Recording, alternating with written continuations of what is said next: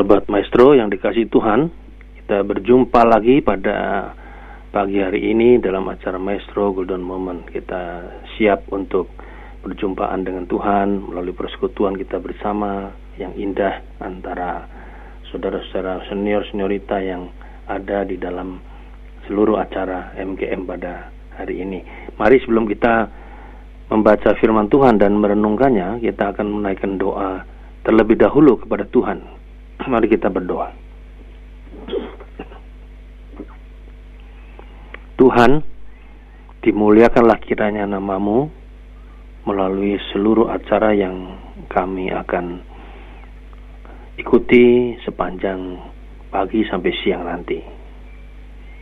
Kami ingin memberkati Ibu Silvi, Saudara Stefanus, juga orang-orang uh, teman-teman lain yang mengambil bagian dalam pelayanan di Maestro, baik Mas Ari, juga Saudara Junius, kami doakan semua ada dalam kasih karunia Tuhan dan Tuhan memberkati mereka seperti halnya Tuhan memberkati kami. Dan hari ini kami mau belajar tentang bagaimana kami melihat bahwa kuasa Kristus itu sangat luar biasa dalam kehidupan manusia. Kalau kami mengimaninya, maka ya Tuhan kami mohon pada siaran ini kami mendengar firman Tuhan, Roh Kudus hadir pada kami semuanya, menerangi hati kami, memotivasi kami untuk melakukan dan menjalankan perintah sesuai dengan firman-Mu dan memberkati hambamu yang akan menguraikan firman Tuhan dengan kuasa Roh Kudus yang sama. Bersabdalah ya Tuhan, sebab kami bersedia untuk mendengarkannya. Dalam nama Tuhan Yesus kami berdoa. Amin. Sobat Maestro, pada hari ini kita akan membaca firman Tuhan dari Injil Lukas pasal 8 ya. Lukas pasal 8 ayat yang ke-26 sampai 39 ya. Kita akan membaca 13 ayat ini dari sini ya. Ini juga ayat firman Tuhan ini ada juga di Matius 8 dan Markus pasal 5. Nanti sudah bisa membaca lagi lebih lanjut firman ini. Yesus mengusir roh jahat dari orang Gerasa. Lalu mendaratlah Yesus dan murid-muridnya di tanah orang Gerasa yang terletak di seberang Galilea. Setelah Yesus naik ke darat, datanglah seorang laki-laki dari kota itu menemui dia. Orang itu dirasuki oleh setan-setan dan sudah lama ia tidak berpakaian dan tidak tinggal dalam rumah tetapi dalam pekuburan. Ketika ia melihat Yesus, ia berteriak, lalu tersungkur di hadapannya dan berkata dengan suara keras, Apa urusanmu dengan aku, hai Yesus anak Allah yang maha tinggi?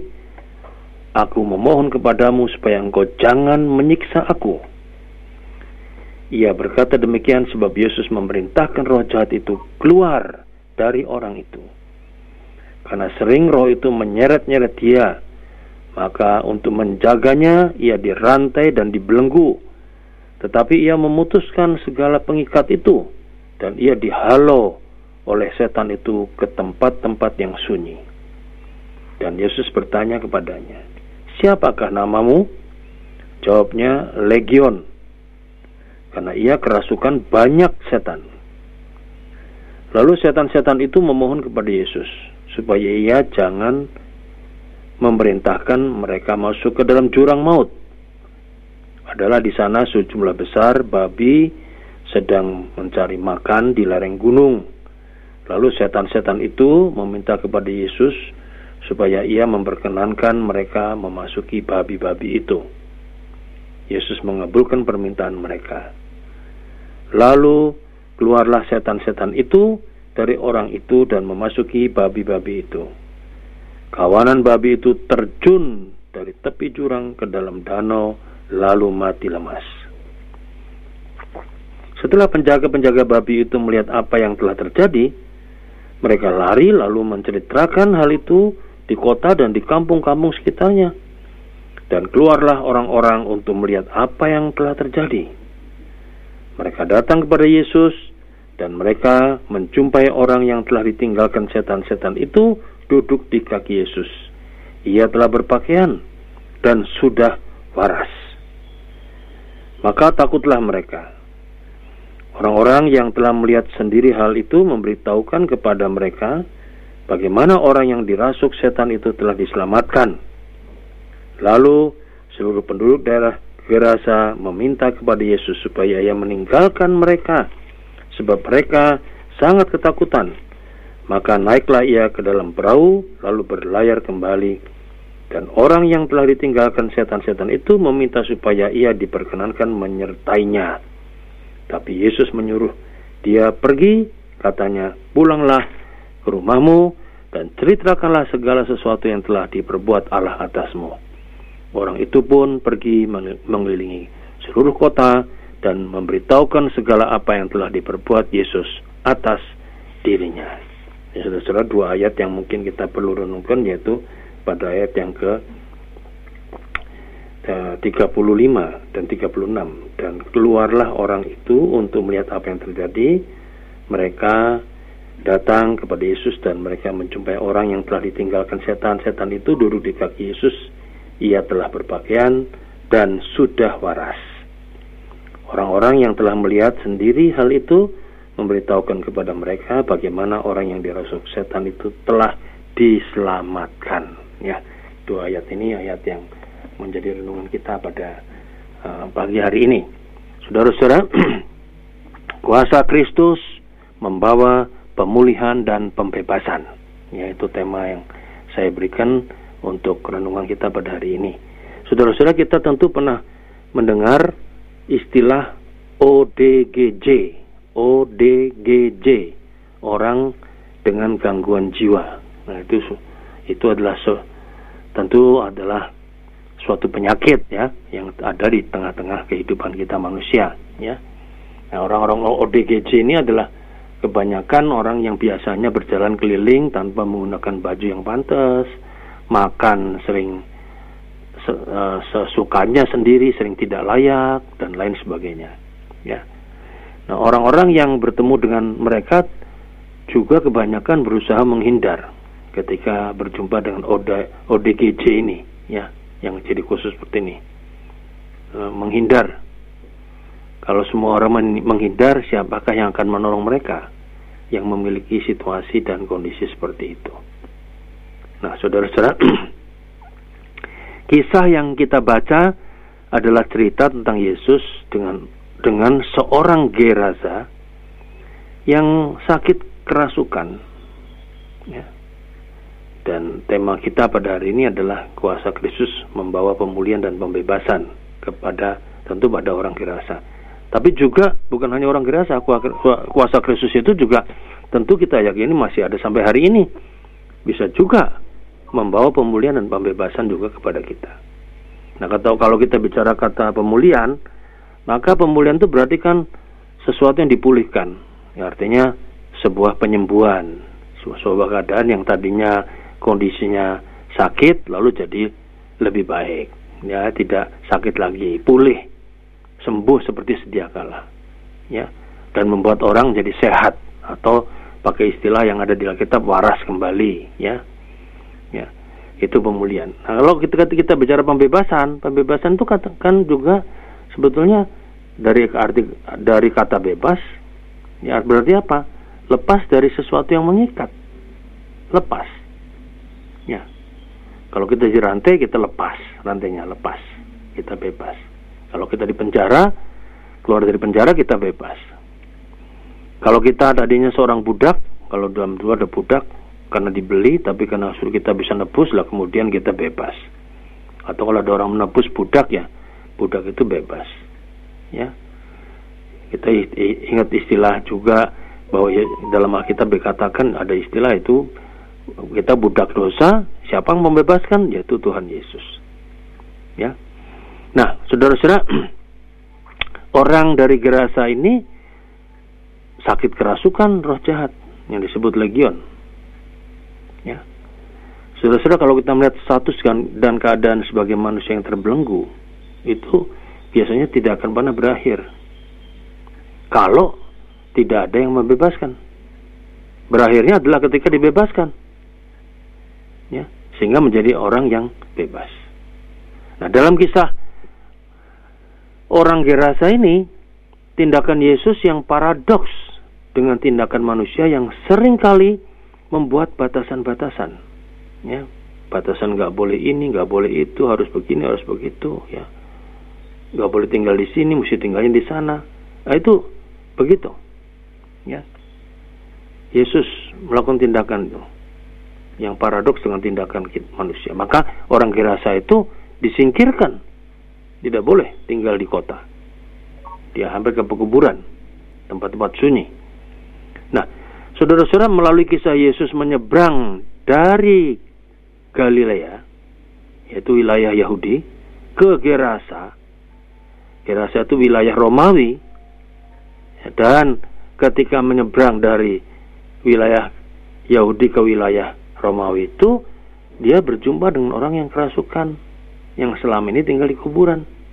Dan Yesus menunjukkan sebuah tindakan yang melampaui batasan-batasan itu tadi. Ya. Kalau mengikuti tindakan manusia, Yesus tentunya tidak akan menyeberang ke Gerasa. Yesus juga tidak akan melewati kuburan dan sebagainya. Ya, tapi itu dilakukan Yesus. Nah, ada latar belakangnya saudara-saudara. Kalau kita membaca firman ini ya sepertinya biasa saja ya. Pokoknya ada orang kerasukan lalu sembuhkan selesai. Tapi sebetulnya kita melihat begini, adalah latar belakangnya. Gerasa itu adalah wilayah Romawi. Ya. Dan kita tahu bahwa karena itu wilayah Romawi, maka banyak kuil-kuil dewa Zeus dan Dewi Artemis. Ya.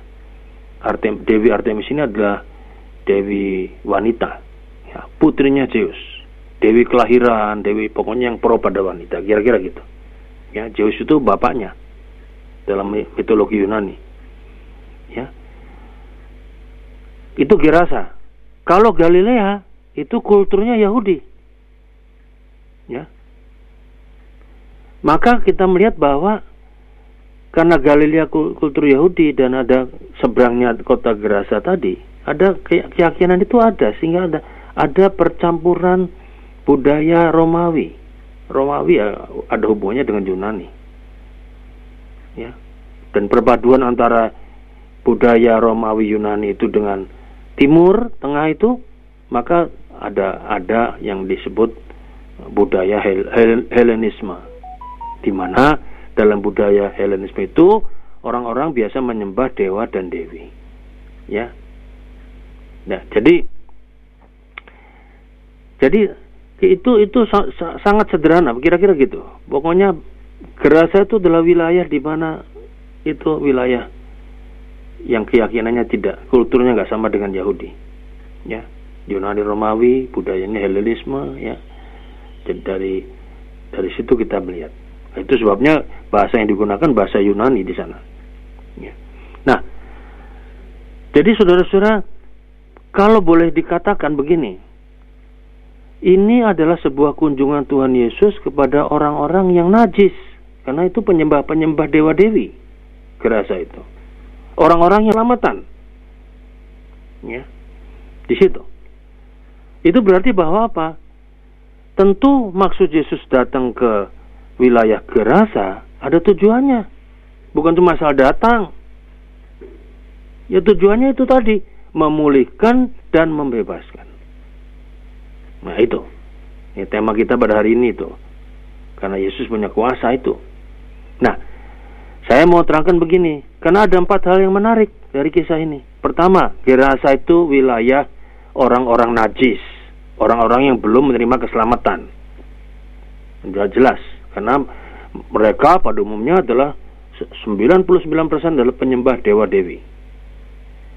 Yang kedua, ada kerasukan setan kerasukan setan di sini adalah kalau terjemahan bahasa Inggris ya apa? Unclean spirit. Ya, roh najis. Ya, roh najis.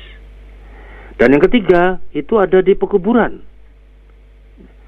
Dalam hukum Yahudi itu ditekankan bahwa orang yang bersentuhan dengan mayat itu najis. Termasuk bantal, tempat tidur atau kuburan itu disebut najis.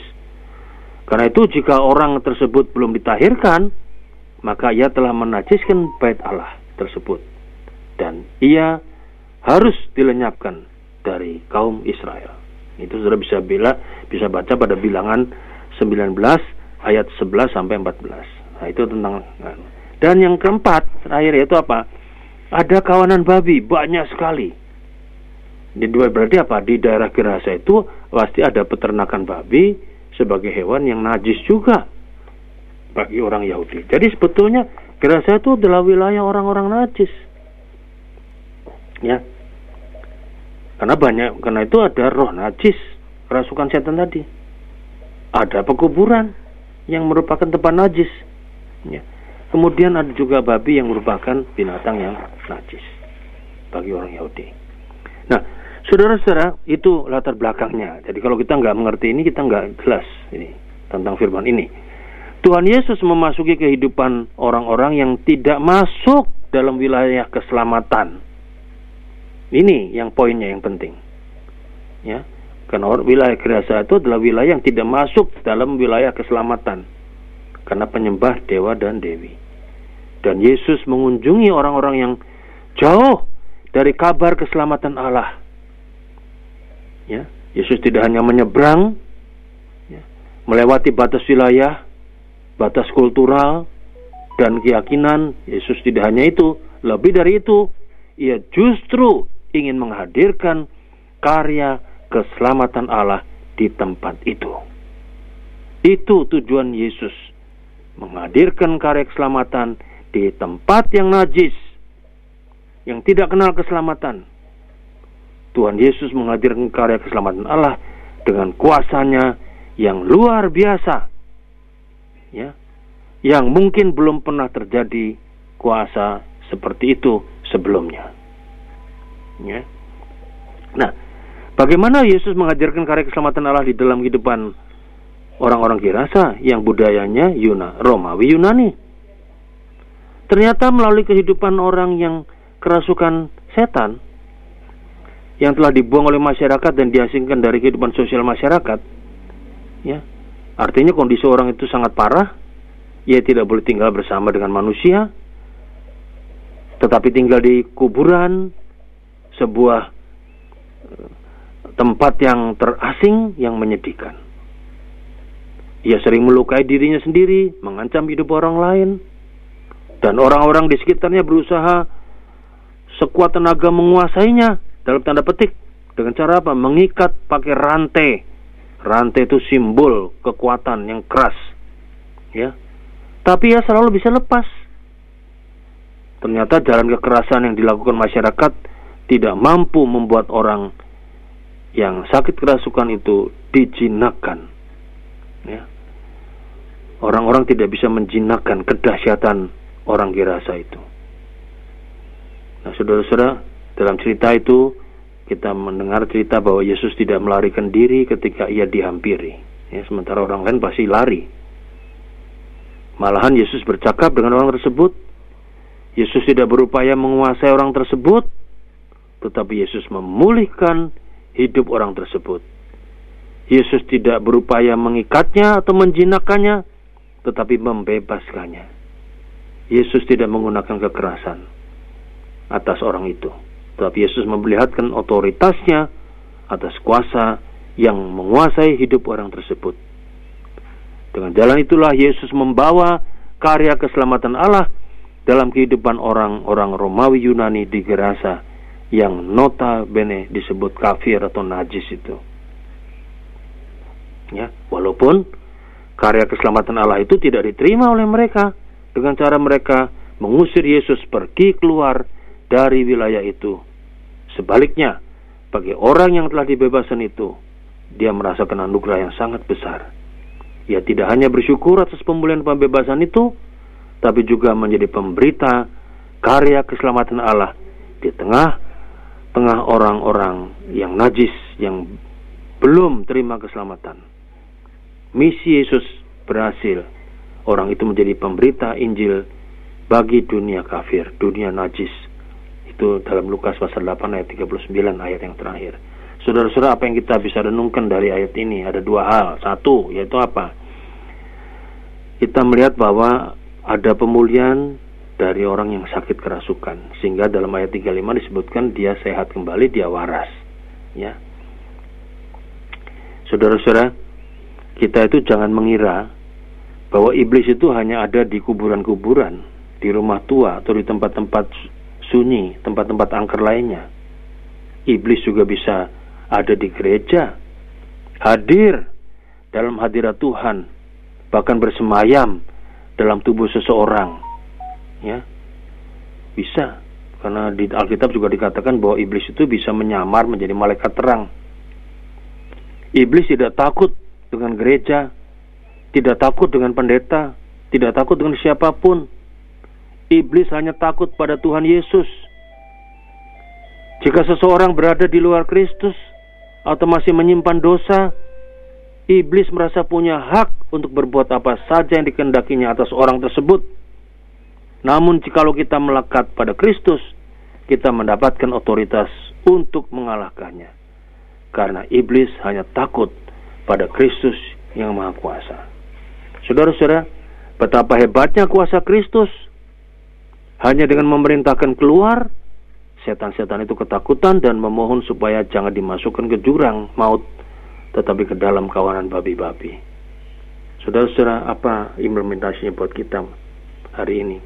Mungkin saat-saat ini ada di antara kita yang mempunyai pergumulan, masalah, sakit, apa pun yang terasa berat dan besar, dan menginginkan pemulihan dari Kristus. Saudara-saudara, percayalah, kalau iblis saja bisa dikalahkan, maka sakit penyakit, masalah seberat apa pun, pasti bisa dipulihkan oleh kuasa Kristus.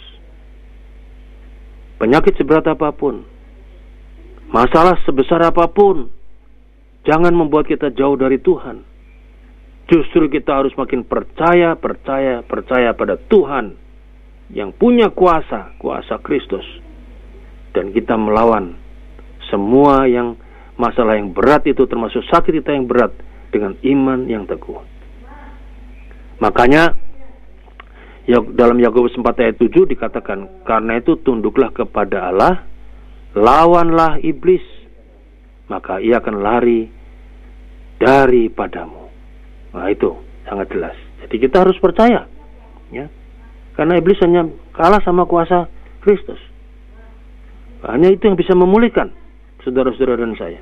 Maka jangan takut apa pun yang terjadi dalam hidup kita ke depan pun kalau kita punya masalah berat, penyakit yang besar, yang sulit disembuhkan, yang secara logika susah, Jangan kita jauh dari Tuhan. Kita harus tetap tunduk pada Tuhan. Kita percaya, percaya, percaya bahwa kuasa Kristus itu bisa memulihkan. Nah, saudara-saudara, yang kedua apa? Yang kedua dari cerita ini kita implementasinya adalah bahwa kita tahu tadi Gerasa itu wilayah najis, wilayah kafir yang jauh dari keselamatan. Ya, ternyata ketika Yesus datang, dia bisa membebaskan orang gerasa tadi ya yang yang sakit tapi juga yang kerasukan yang jauh dari keselamatan ya ternyata pembebasan dari belenggu kegelapan oleh pengaruh setan itu membawa perubahan signifikan bagi orang gerasa yang sakit itu selain pulih dari sakit ia bebas tidak lagi terasing di kuburan ia mendapatkan keselamatannya. Ya dan kenapa? Karena namanya juga orang kafir, orang najis, pasti banyak dosanya. Nah, itu diampuni oleh Tuhan. Ia mendapat keselamatan sehingga ia bisa kembali kepada keluarga dan menceritakan tentang keselamatan dari Yesus. Berbeda dengan penduduk gerasa lainnya, ia tetap memilih hidup yang lama, hidup dalam dosa, hidup hidup dalam kenajisan, hidup di dalam kekafiran, jauh dari keselamatan. Ya. Orang itu sikap yang diambil orang Kirasa dengan cara apa? Dia menyuruh Yesus keluar dari Gerasa. Sehingga artinya apa? Orang Gerasa ini memilih hidup yang lama, tidak mendapat keselamatan, tidak mengalami perubahan apa pun dalam hidup mereka. Sayang sekali karena mereka mengusir Yesus, sang pembebas yang bisa membawa manusia pada keselamatan sangat disayangkan. Saudara-saudara, kita jangan seperti orang kirasa. Ya. Jangan. Kuasa Kristus itu membebaskan kita. Di dalam Kristus kita ditebus dari dosa-dosa kita dan membuat hidup kita di bawah kasih karunia Allah. Kebebasan yang diterima manusia tetap berada dalam pimpinan Allah dan harus dipertanggungjawabkan di hadapan Allah. Seperti orang Gerasa yang kemudian menceritakan keselamatan itu kepada semua orang tanpa ragu-ragu, tanpa takut karena dia merasakan kasih karunia Allah yang begitu besar. Saudara-saudara, pada zaman ini tentu kita sering melihat sering kali nih ya Um, dan pada umumnya banyak orang hidup dalam dosa dan sakit kerasukan apa saja lah. Kesesatan tanpa menyadari hal itu. Hal ini tampak dalam sikap menolak nasihat dan teguran. Kalau dinasehati, ditegur, marah. Nggak mau terima. Sama seperti orang-orang Gerasa yang tidak sadar diri. Sehingga menolak Yesus yang punya kuasa memulihkan dan membebaskan untuk memberi keselamatan yang kekal. Saudara-saudara, jika kita menghadapi masalah-masalah seberat apa pun pada hari ini, sakit apa pun yang berat kita rasakan, yang mungkin sulit secara medis untuk disembuhkan, berharaplah bahwa Allah memiliki jalan keluar untuk kita. Berharap bahwa Dia ada dan sedang bekerja di balik layar demi kita. Dan ketahuilah bahwa Tuhan itu baik dan Dia membawa pemulihan dan pembebasan kita pada kita. Baik bisa hari ini, bisa besok, bisa kapan saja. Percayalah bahwa kuasa Kristus dalam kebaikan dan kesetiaannya akan menuntun kita ke dalam keselamatan yang telah direncanakannya. Percaya, percaya, dan percaya. Itu kata kuncinya untuk menerima pemulihan dari masalah apa saja dan pembebasan dari kuasa dosa menuju keselamatan yang kekal.